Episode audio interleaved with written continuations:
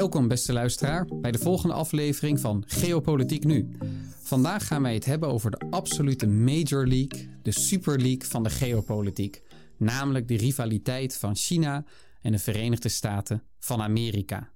Is de Thucydides trap tussen beide landen onvermijdelijk? De Thucydides trap houdt in dat een opkomende macht en een bestaande macht altijd met elkaar in conflict zullen komen.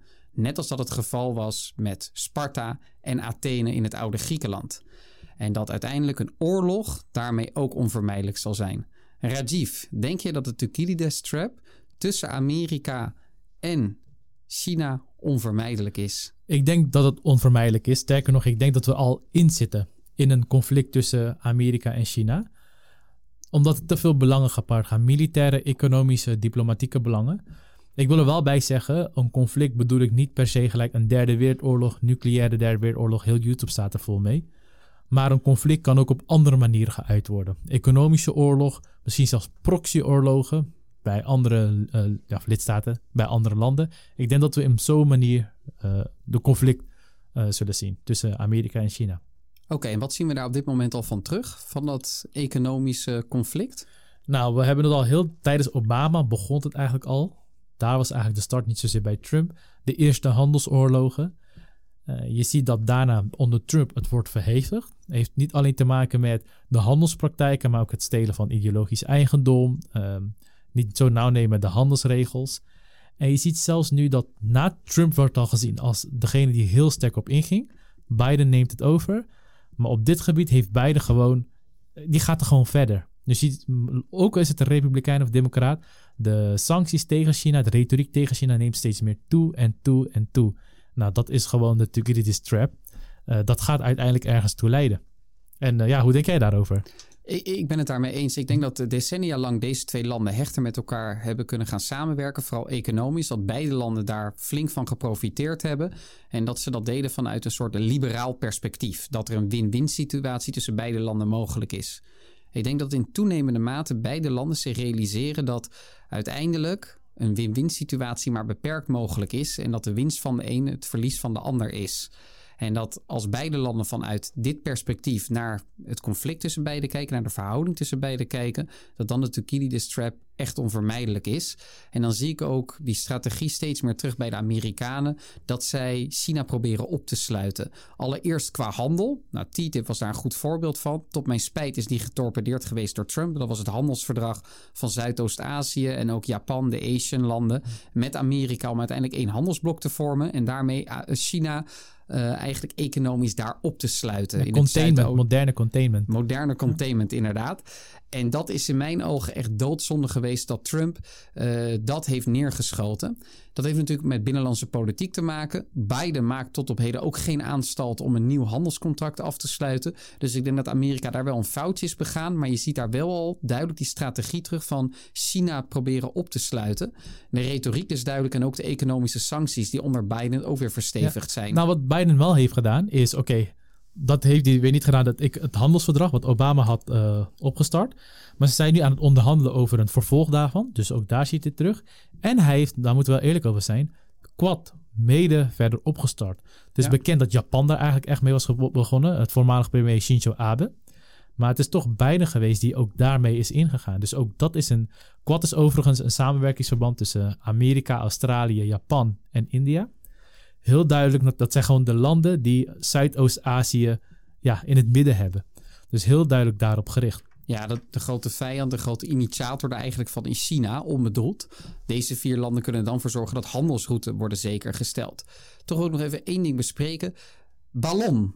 Afgelopen week neergeschoten door F-22 vliegtuig. Een straaljager waar je veel meer van weet dan ik. En het idee was dat die ballon gebruikt is voor spionageactiviteiten. Dat is niet helemaal een nieuwe praktijk. Uh, China doet het al nou, jarenlang. Die heeft een heel grote ballonnenindustrie. En heeft meerdere ballonnen over de wereld vliegen. Ook al in eerdere tijden over Amerika toen Trump aan de macht was. En in Zuid-Amerika, in Europa, in Afrika. En dat is zo'n heel oude praktijk. Zelfs zo ver gaat het terug tot de negentiger jaren van de 18e eeuw, waarin Frankrijk voor het eerst ooit een luchtballon op hete lucht gebruikte voor spionageactiviteiten in de oorlog tegen Oostenrijk-Hongarije. De gelijkenissen zijn groot, ze lijken erg op elkaar. Waarom stuurde China die ballon en wat moeten wij daarachter zoeken? Nou, officieel vanwege meteorologische doeleinden om het weer en het klimaat te bestuderen. Maar ja, dat, iedereen, niemand gelooft dat. Uh, het waren gewoon spionageballonnen. Wat er precies werd bespioneerd, dat weet niemand. Dat zij ook nog. Waarschijnlijk weten de Amerikanen het natuurlijk. Wij, gaan dat nooit, wij zullen dat nooit erachter komen. Maar er werd gespioneerd. En ook de route is heel opmerkelijk. Logisch, ik zou denk ik hetzelfde route nemen. Je gaat via Alaska, Canada, zo Amerika binnenkomen. Allemaal via gebieden waar eigenlijk het meest dicht of dunst bevolkt is. Waar zo weinig mogelijk mensen wonen. Waarom is dat logisch? Nou, je wilt niet dat je ballonnen worden herkend. Uh, dat het wordt gevonden. En ja, waarom ballonnen? Ballonnen, het gedachte was is dat ze stil zijn. En dat waren ze ook, want de ballonnen zijn relatief laat ontdekt. Ze waren dus ook stil. En omdat de eerste ballon werd ontdekt, hebben de Amerikanen hun radarfrequenties aangepast, zodat ze dus nu veel meer zien. En nu zien ze dus elke week zien ze wel drie, vier ballonnen. Uh, ja, dat is dus wel het grappige, het frappante. Dat opeens, uh, dat we ook heel duidelijk zien dat beide landen al sterk bezig zijn met het bespioneren op elkaar. Tegelijkertijd uh, hadden de Amerikanen ook in het verleden wel eens door dat die ballonnen gestuurd waren. Wat is het belang bij de, van de Amerikanen om deze ballon nu dan toch neer te schieten? En spelen daar interne belangen een rol mee? Gewoon electorale belangen? Of heb je het idee dat het echt puur geopolitiek is? Nou, als politici, je probeert zoveel mogelijk belangen te koppelen. Ja, dus uh, uh, aan twee kanten, hier ook. Dus binnenlandse belangen zeker. Volgend jaar zijn er verkiezingen in Amerika. En, maar ook buitenlandse geopolitieke belangen. Want het neerhalen van zo'n ballon, dat kan ook gewoon met een normaal raket, met een verouderd F-16. Je kan zelfs een ja, normaal vliegtuig op afsturen. Wat hebben ze nu gebruikt? Ze hebben de F-22, F-22 Raptor. Aan te geven dat is een 5.5 generatie straaljager, de meest moderne. Moderne bestaan er ook niet. En die worden zelfs niet eens verkocht aan andere NAVO-landen. Amerika houdt het voor zichzelf. En het is bekend dat het over alle landen kan vliegen en niemand ja, kan het op de radar zien dat het er vliegt. Het is gewoon echt een geest. Heel top vliegtuig, ja. Dat ze een F-22 Raptor afsturen om ballon neer te halen, dat weet je natuurlijk. Dat is, en ook alle media is erbij. Natuurlijk is dat een show. Maar een hele duidelijke show naar China toe van wij houden je in de gaten.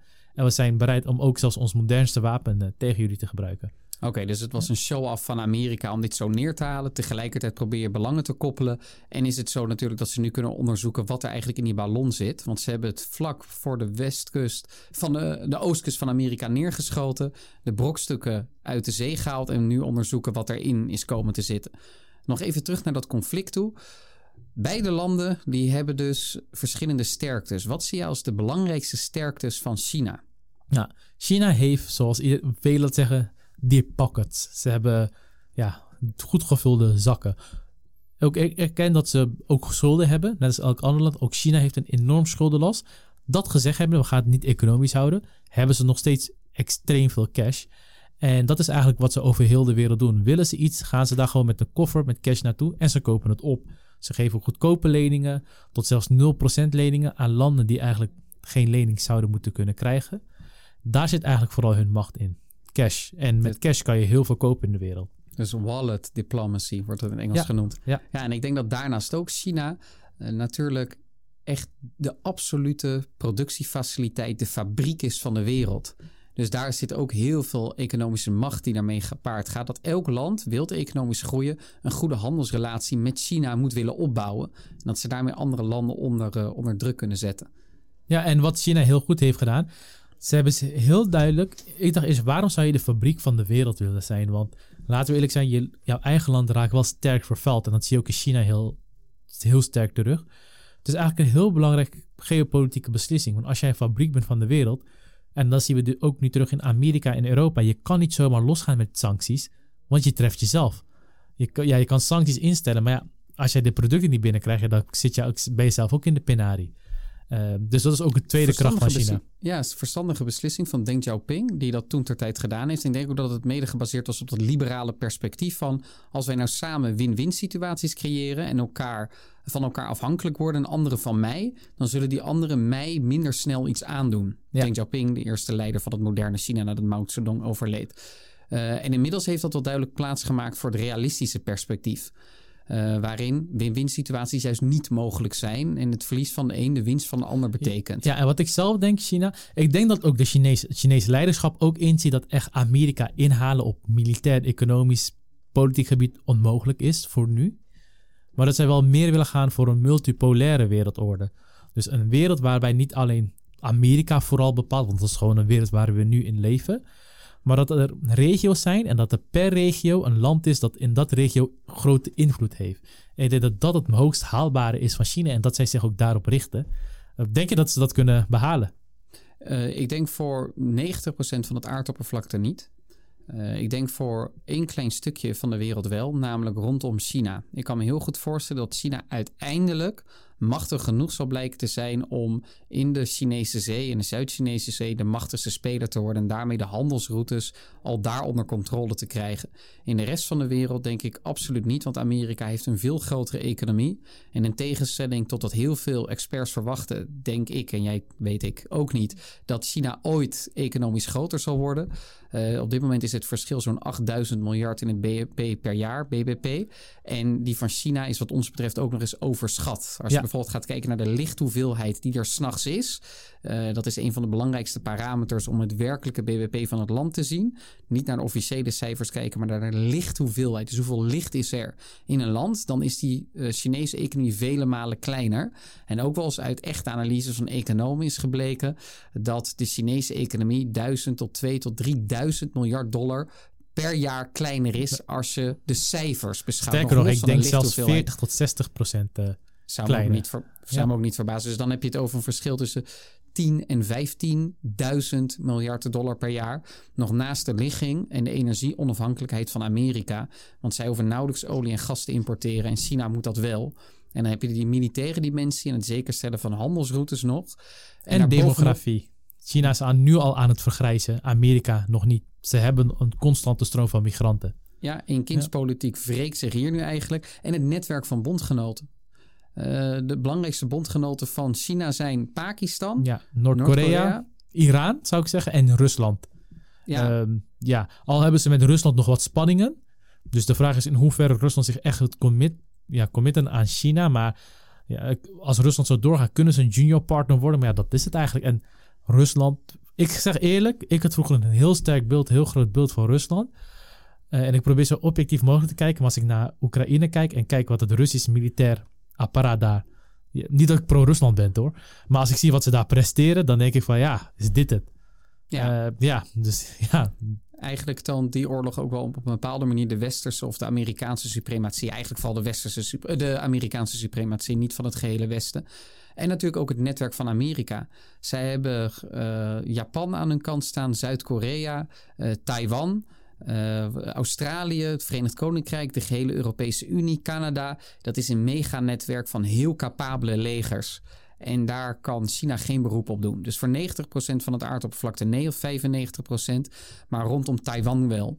Kun je heel kort uitleggen wat het belang is van Taiwan voor China en in dit conflict? Nou, Taiwan. China ziet Taiwan als een onderdeel van China. Gaan ze, dan begeven zich op historische kaarten. Gaan we nu niet op in, maar dan weet je dat. En ze willen Taiwan graag, omdat als ze Taiwan hebben, kunnen ze zo de rest van de zeeën bevaren. Want als je de kaart erbij pakt, zie je dat eigenlijk China ingekapseld is in eilanden. Eilanden die allemaal bevriend in beheer staan van Amerika. Je hebt Japan, je hebt Taiwan en je hebt de Filipijnen. En dan heb je ook nog in, aan de onderkant heb je Vietnam, waar Amerika zijn bloedige oorlog mee vocht. Zijn ze nu ook gewoon militair bevriend mee. Sterker dus, nog worden wapens geëxporteerd inmiddels. Ja, dus China ziet eigenlijk Taiwan als enige manier om een gat in de dijk te creëren op basis van historische kaarten. Ja, dus, en natu ja, natuurlijk ook meer dan historische kaarten. Je legt het eerder ook wel eens mooi uit. Namelijk? Het afsluiten oh, ja, van, de, ja. van de eeuw van vernedering. Oh ja, het afsluiten. Ja, ja. In de 19e eeuw werd China ook binnengevallen door verschillende buitenlandse mogendheden. En waarbij ook dus Taiwan werd afgenomen. Het werd een Nederlandse kolonie. En China ziet het ook natuurlijk voor binnenlandse uh, consumptie ook naar het publiek toe van... Ja, wij moeten Taiwan weer terug hebben om zo de eeuw van vernedering echt goed te kunnen afsluiten. En weer te herreizen, de nieuwe draak. Ja, dus daar zie je met duidelijk regimebelang terug. Dat namelijk China weer volledig herrezen is. Uit de glorieperiodes van het verleden als Taiwan wordt toegevoegd. Tegelijkertijd is er ook een keihard handels, geopolitiek en militair belang. Namelijk een, een breslaan uh, in de Amerikaanse macht rondom China. En de handelsroutes daar onder controle krijgen. Maar dat is altijd heel erg van belang. En ik denk dat China daar wellicht toe in staat zal zijn over enkele jaren. Uh, maar we zullen dan de echte proef op de som, gesteld zien, de som op de proef gesteld zien worden. Mm. En dan kijken wat de militaire dominantie van Amerika echt voorstelt tegen die tijd. Dan nog als laatste onderwerp. Welke effecten heeft dit eigenlijk voor Nederland? Dit conflict. Voor Nederland heeft het mega effecten. Nederland is een enorm handelspartner van China. We zijn, we zijn überhaupt een handelsland. Maar ook voor onze eigen, los van het handelen, dus wat we doorvoeren, ook onze eigen industrie is voor een groot deel gestoeld op halffabrikaten, noemen we dat, uit China. Dus we halen delen uit China en we ja, maken daar wat mooiers van. Um, ja, als dit snel, dit conflict heel snel uh, ontwikkelt, dan kan het enorme economische gevolgen hebben, vooral voor een land als Nederland, dat vooral gestoeld is op internationaal handel en open economie.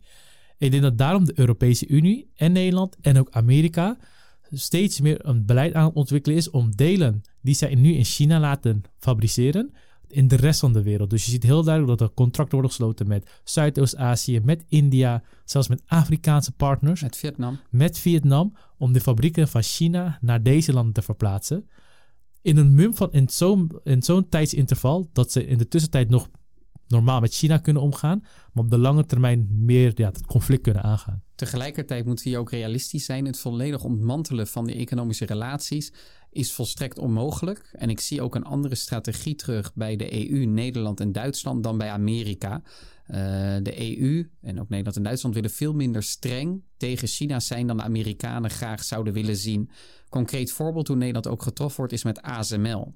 ASML mag namelijk geen uh, chipmachines uh, exporteren naar China toe, terwijl daar de markt gigantisch is. ASML-CEO is hier ook woedend over. Rutte ging afgelopen weken naar Amerika toe om precies dit onderwerp ook te bespreken. Uiteindelijk is toch de slotsom: deze chipmachine, chipmachines worden niet vervoerd, niet verkocht aan China. Dus ook hier zien we duidelijk de gevolgen van deze verstoorde handelsrelatie en geopolitieke rivaliteit terug. Dat brengt ons bij het einde van de Major League Geopolitiek vluggertje. Beste luisteraars, we hopen dat jullie weer afstand hebben genomen van jullie ongeïnformeerde zelf en zien jullie heel graag terug bij de langere podcast. Heel veel dank. Zeker, dank jullie wel.